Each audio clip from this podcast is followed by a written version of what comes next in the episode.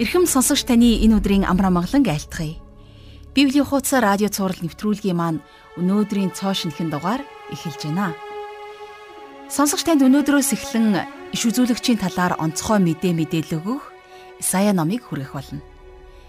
Хүмүүс итгэл үнэмшлийн талаар ярилцахдаа өөрийн амьдралд тайлал хайж Библиэд энэ талаар юу гэдэм бол эсвэл тэр талаар юу гэдэм бол гэж сониучрахдаг. Тэгвэл өнөөдрөөс бид иш үзүүлгийн талаар үзэхдээ энэ талаар хүмүүст их хатуу хариулт өгч магадгүй юм. Ягаад тэгэхээр бурхан хүлс авч дуртай юмыг ярьдаг нэг юм биш. Бараг саяхандаа 1949 онд тэртээ 2000 жилийн өмнө бичигдэн үлдсэн Исая номыг вааранд хуулиатай байхыг олсон байдаг. Тэгвэл өнөөдрөөс эхлэн бурхан Исая номоор ард түмэндээ иш үзүүлгүүдээрээ хизээхилж хэрхэн үүнийгээ биелүүлж байсныг одоо таны амьдралд хэрхэн буухыг хамтдаа тайлан үзэх болно. Ингээд хичээл эхлэхийн өмнө хамтдаа залбирцгаая. Бурхан эзэн минь, танд энэ цагийн төлөө талархал өргөн залбирч байна. Үнэхээр таны үг бол бидний замдах гэрэл, бидний хүлдэх дэнлүү билээ. Бид таны үгээр дамжуулаад эзэн Есүс Христийг улам илүүгээр таньж мэдхийг хүсэж байна. Таны үгнээс суралцж байхад та ариун сүнсээрээ биднийг удирдах, таны үгийг бидний зүрхний самбарт сийлэн үлдээж өгөөч.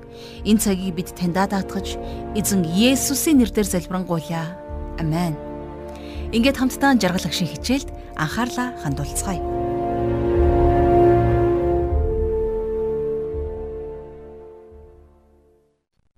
За өнөөдрөөс эхлээд бид хамтдаа хуучин гэрээний Исаи номыг үзэх гэж байгаадаа би баяртай байна.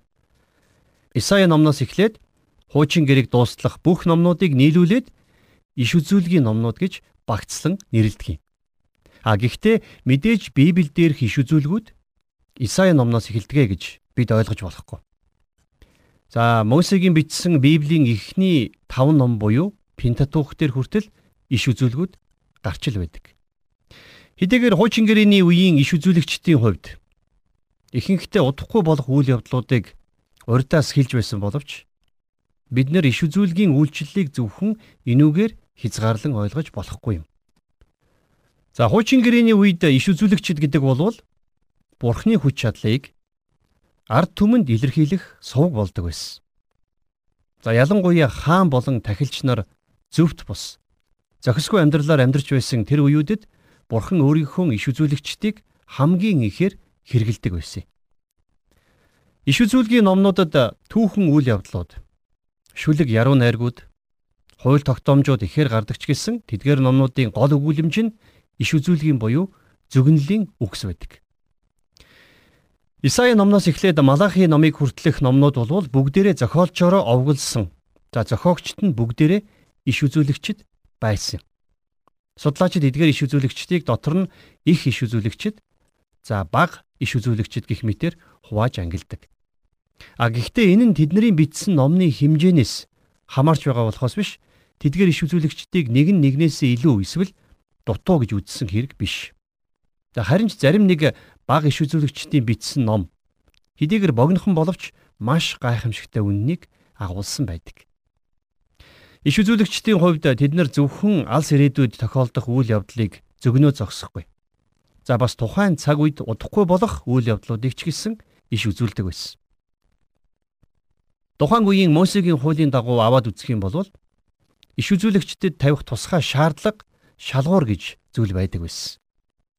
За дэд хууль номон дээр тахилч хүн, хаан хүн, иш үзүүлэгч хүн тус бүр ямар ямар шаардлагыг хангах ёстой вэ гэдгийг их тодорхой заасан байдаг. Хамтдаа дэд хууль номын 18 дугаар бүлгийн 20-с 22 дугаар ишлэлийг сөхөөд иш үзүүлэгчдэд тавих шаардлагыг юу гэж бичсэнийг хамтдаа уншийе. Харин миний хэлэх дүн гэж тушаагаагүй үгийг миний нэрээр дураараа ярих эсвэл өөр бурхтын нэрээр ярих иш үзүүлэгч байвал тэр иш үзүүлэгч үхэх болно гэсэн. Та нар зүрхэндээ эзний айлдаагүй үг гэдгийг бид яаж мэдэх вүлээ гэж бодхаваас хэрв иш үзүүлэгч эзний нэрээр ярьж тэр зүйл нь болгочгүй биелэгчгүй байвал тэр нь эзний айлдаагүй үг юм. Тэр иш үзүүлэгч үүнийг дураараа хэлсэн байх тул чи түүнээс битгий аа гэсэн байна. Тэгэхээр эндээс харах юм бол хэрвээ иш үзүүлэгчийн удахгүй болно гэж зөвгөн хэлсэн үгс нь яг 100% хэлсэнчлэн биелэхгүй байх юм бол тэр иш үзүүлэгч нь хуурамч иш үзүүлэгч хэмээн тооцогддог байжээ. За мэдээж Библиэд ирэх иш үзүүлгийн номнууд донд хуурамч иш үзүүлэгчийн бичсэн нэг ч ном байхгүй. Библиэд ирэх иш үзүүлэгчдийн тухайн цаг үеийнхээ талаар иш үзүүлж байсан тэр бүх зүйлс тухайн цаг үедээ биелэлээ олсон байдаг. За жишээлх юм бол хэрвээ бид нэр Исая иш үзүүлэгчтэй нэг цаг үед амьдарч байсан бол тэрнийг жинхэнэ иш үзүүлэгч гэж яаж мэдэх байсан бэ? Тухайн цаг үед удахгүй тохиолдох зүйлсийг яаж оновчтой зөгнөж байгаагаар нь бид тэрнийг жинхэнэ иш үзүүлэгч мөн эсхийг нь шалгах боломжтой гэсэн үг. Иш үзүүлэгч Исаигийн хувьд гэх юм бол Христийн эхний болон хоёр дахь ирэлтийн тухай буюу за бүр алс ирээдүйд болох зүйлсийг зөгнөө зогсохгүй. Тухайн цаг үедээ Израильчуудад тохиолдох тэр зүйлсийг ч гэсэн мөн иш үзүүлдэг байсан байна. Тийм учраас хэрвээ тухайн цаг үед удахгүй тохиолдох зүйлсийг оновчтой зөгнөж чадахгүй бол тэрнийг хуурамч иш үзүүлэгч хэмээн тооцож тухайн үеийн хуулийн дагуу чулуудаж алах ёстой болно гэсэн үг. Тэгэхэр байна штэ. Библиэлд ирэх иш үзүүлгийн номнуудыг бичсэн зүнчид бүгдээрээ энэ арга замаар өөрсдийгөө жинхэнэ зүнч буюу иш үзүүлэгч хэмээн баталсан хүмүүс байсан гэсэн үг байна, тийм ээ. Библиэлд ирэх иш үзүүлгийн номнуудыг бичсэн иш үзүүлэгчдийн яг тухайн цаг үедээ биелэлээ олсон зөвнөлүүдийг тоолох юм бол хідэн зуугаараа тоологддог. Мэдээж ирээдүйд юу болохыг хүн мэдэхгүй. За орчин үед бол яг тусгай багаж тоног төхөөрөмжийн тусламжтайгаар цаг агаарыг бол урьдчилаад мэдэж болно. А гэхдээ л бас тэр 100% оновчтой хэлж чаддгүй шүү дээ. А хэрвээ тухайн үеийн Израильд хэн нэгэн хүн иш үзүүлэгч гэж өөрийгөө хэлсэн бол тэрний иш үзүүлгээс нэг нь л зөрөхөд л тэрнийг хуурамч зүнж гэж үзээд чулуугаар шидэж шийтгдэг байсан. Ийм хатуу чанд хууль дүрмтэй байсан учраас тухайн үед өөрсдийгөө зүнж гэж хуурамчаар өргөмжлөх бүх зөрөгтэй хүмүүс тийм ч олон байсангүй. Зүнж хүн ирээдүйд болох зүйлсийн талаар хэдий чиний нарийн тодорхой хэлнэ. За төдий чинээ тэр үйл явдал яг хэлсэнчлэн бүтэх магадлал 50%-аар буурна гэсэн. Ингээ бодохоор Библиэлд хэдэн зуун иш үзүүлгүүд бүгд биелсэн байгаа нь. Библи өөрөө үнэхээр Бурхны сүнсээр бичигдсэн болохын нэгэн баталгаа гэж бид ойлгож болно. За жишээлх юм бол би маргааш бороо орно гэж зөгнжээ гэж бодъё л д. Тэгэхээр энэ тохиолдолд бол маргааш бороо орох магадлал 50 50% магадлалтай байна гэсэн үг тийм ээ. За юу вэ гэхээр маргааш нэг бол бороо орно а эсвэл бороо орохгүй. А гэтэл хэрвээ би энэ зөгнөлөө илүү тодорхой болгоод маргааш яг өглөөний 10 цагт бороо орно гэж хэлэх юм бол миний зөв байх магадлал улам бүр буурч байна. А гэхдээ л миний хэлсэнчлэн бүтэх багч болов магадлал байгаа. А хэрвээ тэгвэл би цааш нь улам дэлгэрүүлээд тийм ээ. Маргааш бороо өглөө 10 цагт орж эхлээд өдрийн 3 цагт зогсноо гэж хэлэх юм бол миний зөвнсөн үг үнэн зөв байх магадлал улам бүрл багасна гэсэн үг. За энэ мэдчлэн би олон янзын мэдээллүүдийг нэмэх тусам Миний яг хэлсэнчлэн тэр зүйл тохиолдох магадлал буурсаар байх болно. А тэгвэл Библиэлд хэдэн зуун иш үзүүлэг байгаа. Гэтэл хүн тэр олон иш үзүүлгийг өөрийнхөө хар ухаанаар тааварлан тааж хэлэх ямар ч боломжгүй. Тэм учраас энэ бүх зөвнөл хилэгдээд яг хилэгдсэнчлэн биелсэн байна гэдг нь гарцаагүй бурхны ариун сүнсээр хийгдсэн ажлууд байна л гэсэн үг. Хэрвээ та бид нар Есүс Христийн энэ дэлхий дээр анх мэдлэгтэй холбоотой зөгнлүүдийг Библиэс түүгээд унших юм бол Библиэлд яг энэ тухай 300 гаруй иш үзүүлэг буюу зөгнлүүд байдаг. А тэгээд Есүс Христийг анх мэдлэх үед тэдгээр 300 гаруй иш үзүүлгүүд нь бүгд яг хэлсэнчлэн биелэгдсэн байна. Бурхан яагаад Есүс Христийн мэдлэгтэй холбоотойгоор тийм олон зөгнлүүдийг өгсөн болов? Энэ нь мэдээж учир шалтгаантай л байж таараа. Бурхны хүү энэ дэлхий дээр мэдлэнэ гэдэг бол маш онцгой чухал үйл явдал байсан. Тэм учраас Бурхан Израильчуудыг энэ чухал үйл явдлыг мэдлгүй өнгөрөөсэй гэж хүсээгүй байна. Тийм л учраас Бурхан маш тодорхой зөвгөнлүүдийг иш үзүүлэгчдэрээ дамжуулан өгсөн байдаг. Ангиснэр Израильчууд Бурханы илгээсэн Месиа аврагчийг андуурах шалтгаггүй болж байгаа юм. За зөөрлүүлж хэлэх юм бол нэг гадаад хүнийг онгоцны буудлын дээр нэг хүн тосч авах болжээ гэж бодъё л д. За тэгээд тэр гадаад хүнийг тосох хүнд таних тэмдгийг тодорхой хэлж өгсөн байна. За тэр хүн маань ийм ийм цагт ийм ийм нислэгээр ирнэ шүү. Тэр хүн цагаан өмдтэй, цэнхэр хүрэмтэй, шар зангиатай, том цэнхэр цэцэгтэй ягаан цамц өмссөн байгаа гэвэл тэр хүнийг олоход илүү амархан байх болно тийм биз?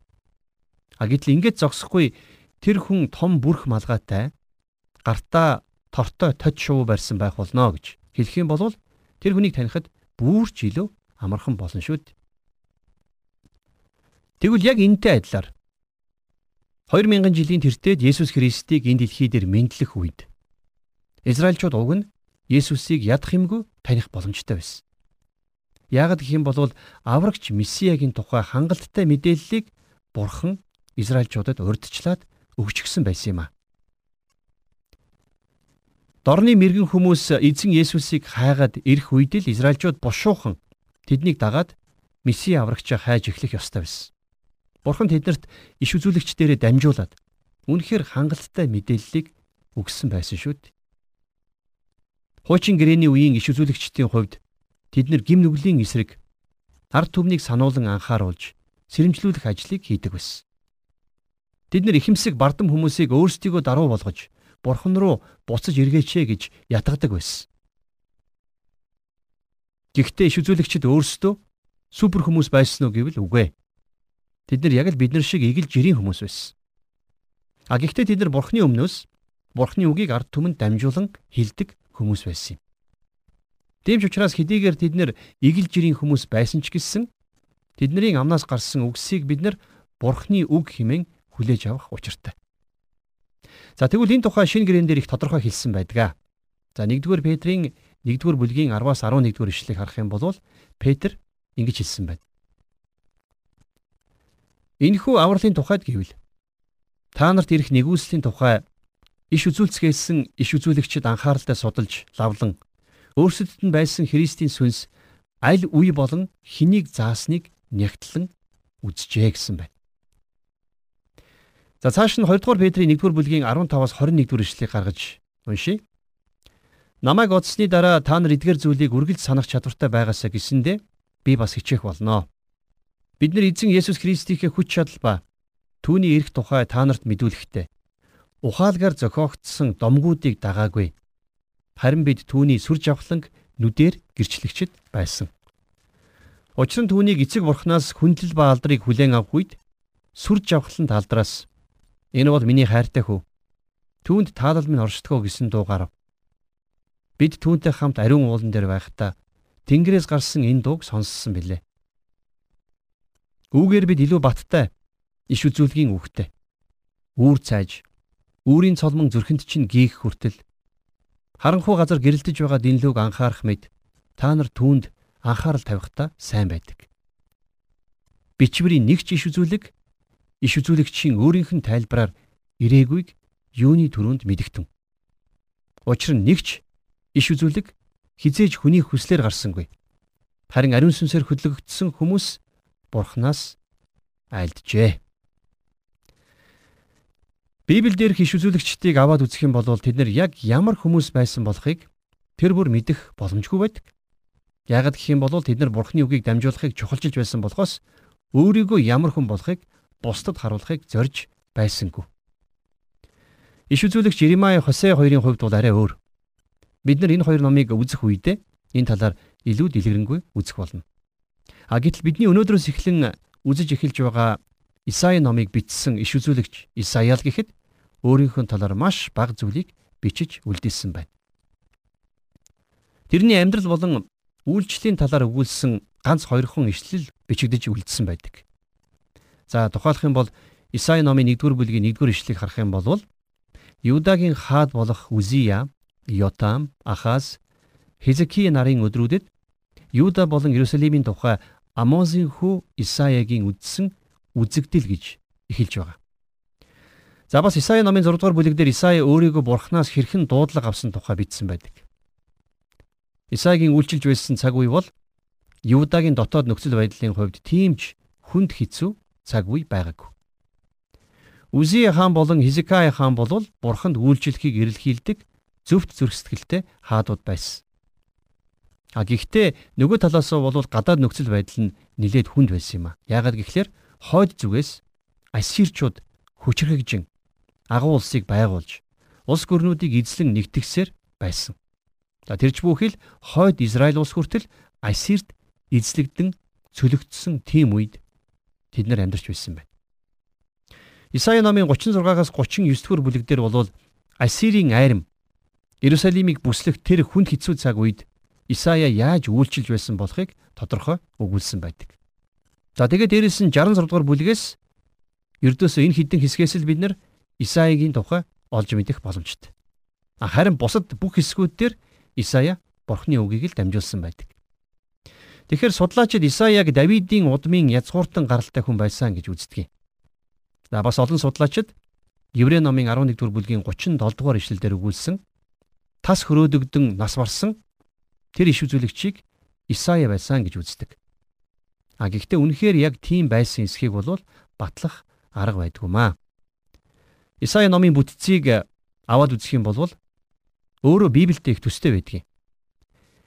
За та бид нар сайн мэднэ тийм ээ. Библи 66 номтой байдаг бол Исая ном 66 бүлэгтэй. За тэгэд Библийн эхний 39 номыг хуучин гэрээ за сүүлчийн 27 номыг шин гэрээ гэж хувааж үздэг бол Исаи номын эхний 39 бүлэг дээр бол хууль болон Бурхны засаглалын тухай өгүүлсэн байдаг. Харин сүүлчийн 27 бүлэг дээр бол Бурхны нэгүсэл болон авралын тухай өгүүлсэн байх жишээт. За шинэ гэрэн дээр нийтдээ 66 удаа Исаи номноос шууд иш татсан байдаг. За ингэхдээ бол шинэ гэрэний 27 номын 20 дээр нь Исаи номноос шууд иш татсан байгаа. За ингээд харах юм бол Исаи ном бол шинэ гэрээтэй маш нягт холбогдсон ном юм а гэдгийг бид нэр төвөггүй ойлгож болно. Шинэ гэрээн дээр Есүс Христийн тухай өгүүлэхдээ ихэвчлэн Исаи номноос иш татаж хүч оруулан тодтогч өгсөн байдаг. Исаи номын эхний 35 бүлэг нь шүлэг яруу найргийн хэлбрээр бичигдсэн байдаг болвол за 36-аас 39 дугаар бүлэг дээр үргэлжилсэн үгийн хэлбрээр бичсэн байна. Яагаад гэвэл 36-аас 39 дугаар бүлэг дээр түүхэн үйл явдлуудыг тоочин өгүүлсэн байдгийг. А тэгээд Исаи номын 40-оос 66 дугаар бүлэг нь бол мөн л шүлгэлсэн хэлбрээр бичигдсэн байна.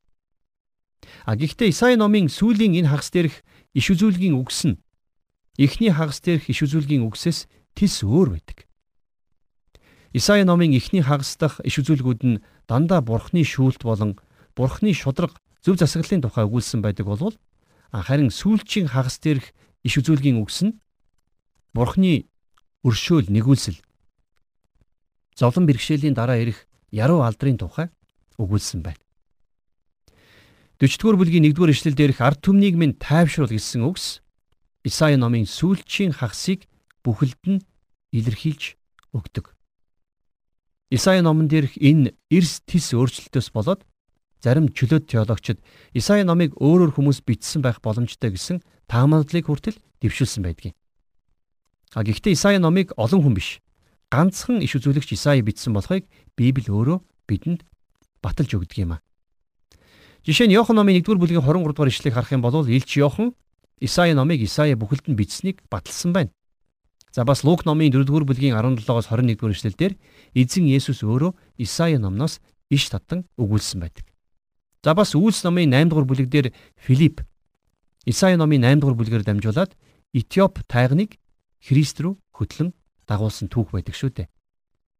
За энэ мэдчлэн Исаи номноос иш татсан олон хэсгүүд бүгдээрээ Исаи номыг бүхэлд нь иш үзүүлэгч Исая бичсэн гэдгийг баталж өгдөг юм аа. Иш үзүүлэгч Исаигийн хувьд зөвхөн хожим ирэх Месиа аврагчийн тухай иш үзүүлээ зогсохгүй. За бас тухайн цаг үетэйгээ холбоотой олон зүйлсийг зөгнөн өгүүлсэн байдаг. За жишээлх юм бол Ассирчууд Иерусалим хотыг бүслэх үед Исаи нэгэн маш зоригтой зөгнөлийг хийсэн байна.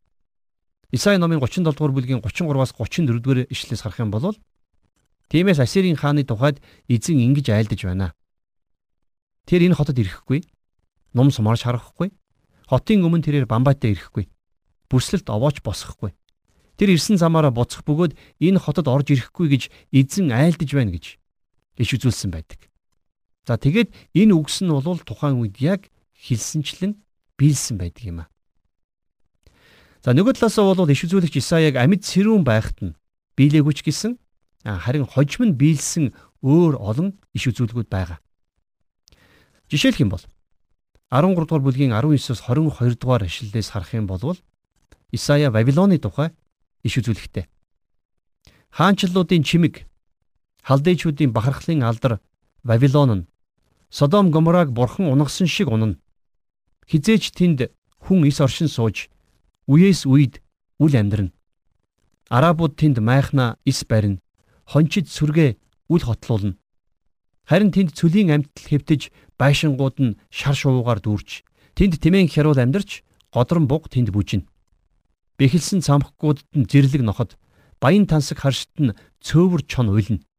Тэр цаг удахгүй ирнэ. Тэр өдөр үл хойшлогдно гэж зөгнсөн байгаа. За мөн Исая номын 47 дугаар бүлэг дээр ч гэсэн Вавилоны сүрлийн тухай зөвгнөн хэлсэн байдаг. За ингээд түүхийн үүднээс аваад үзэх юм бол үнэхээр л Вавилон хожим нь сүрч дахиж хизэж сэргээгүй. Вавилон хотын туурийг малтлаг хийж судлах үед Исаягийн иш үзүүлсэн олон иш үзүүлэг яг хэлсэнчлэн биелсэн болохыг баталсан байна. Нэгэн цагт агуу соёл иргэншил байсан Вавилон хот ингэж сүрч хөрс шороондоор далд орсон нь иш үзүүлэгч Исаягийн энэ үгс гарцаагүй биелсэн болохыг баталж байдаг. За энэ мэдчлэн өөр олон иш үзүүлгүүдийг бид нэр Исаи номын судлал хичээлээрээ хамтдаа үзэх болно. За тэгэхээр Исаи номын гол дүр нь хинбэ гэх юм бол гарцаагүй Есүс Христ юм. Тиймдээч зарим Библийн судлаачид шинэ гэрэний сайн мэдээний дөрвөн номон дээр нэмээд Исаи номыг сайн мэдээний 5 дахь ном гэж нэрлэдэг.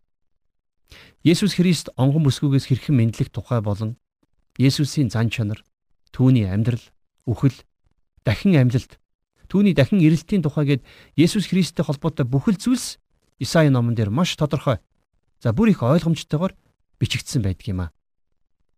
Исаи номыг судлах тэдгээр цагуудаар манд дамжуулаад Бурхан та биднэрт гайхамшигтай илчлэлтүүд өгөх болно гэдэгт би бүрэн итгэлтэй байна.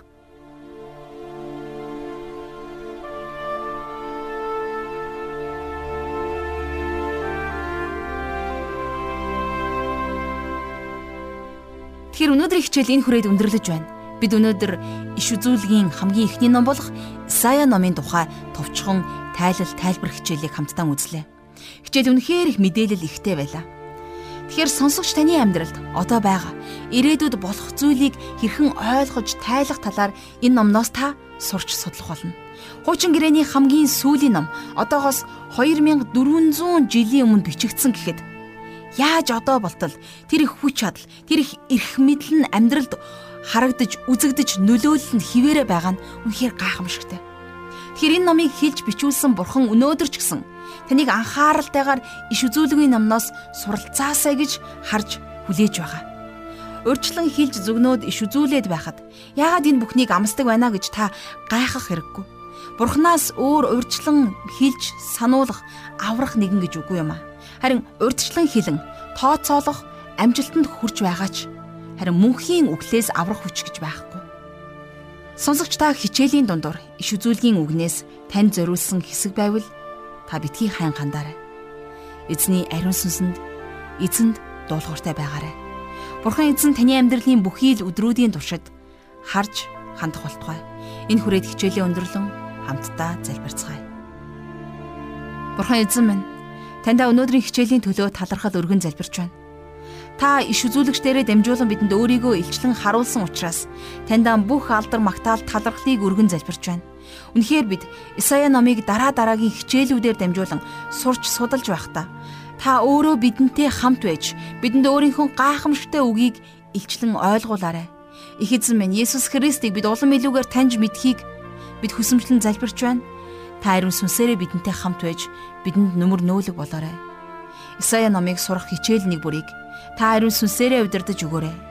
Бүх зүйлийг таны моторт өргөж эзэн Есүсийн нэрээр залбирanгуйлаа. Амен.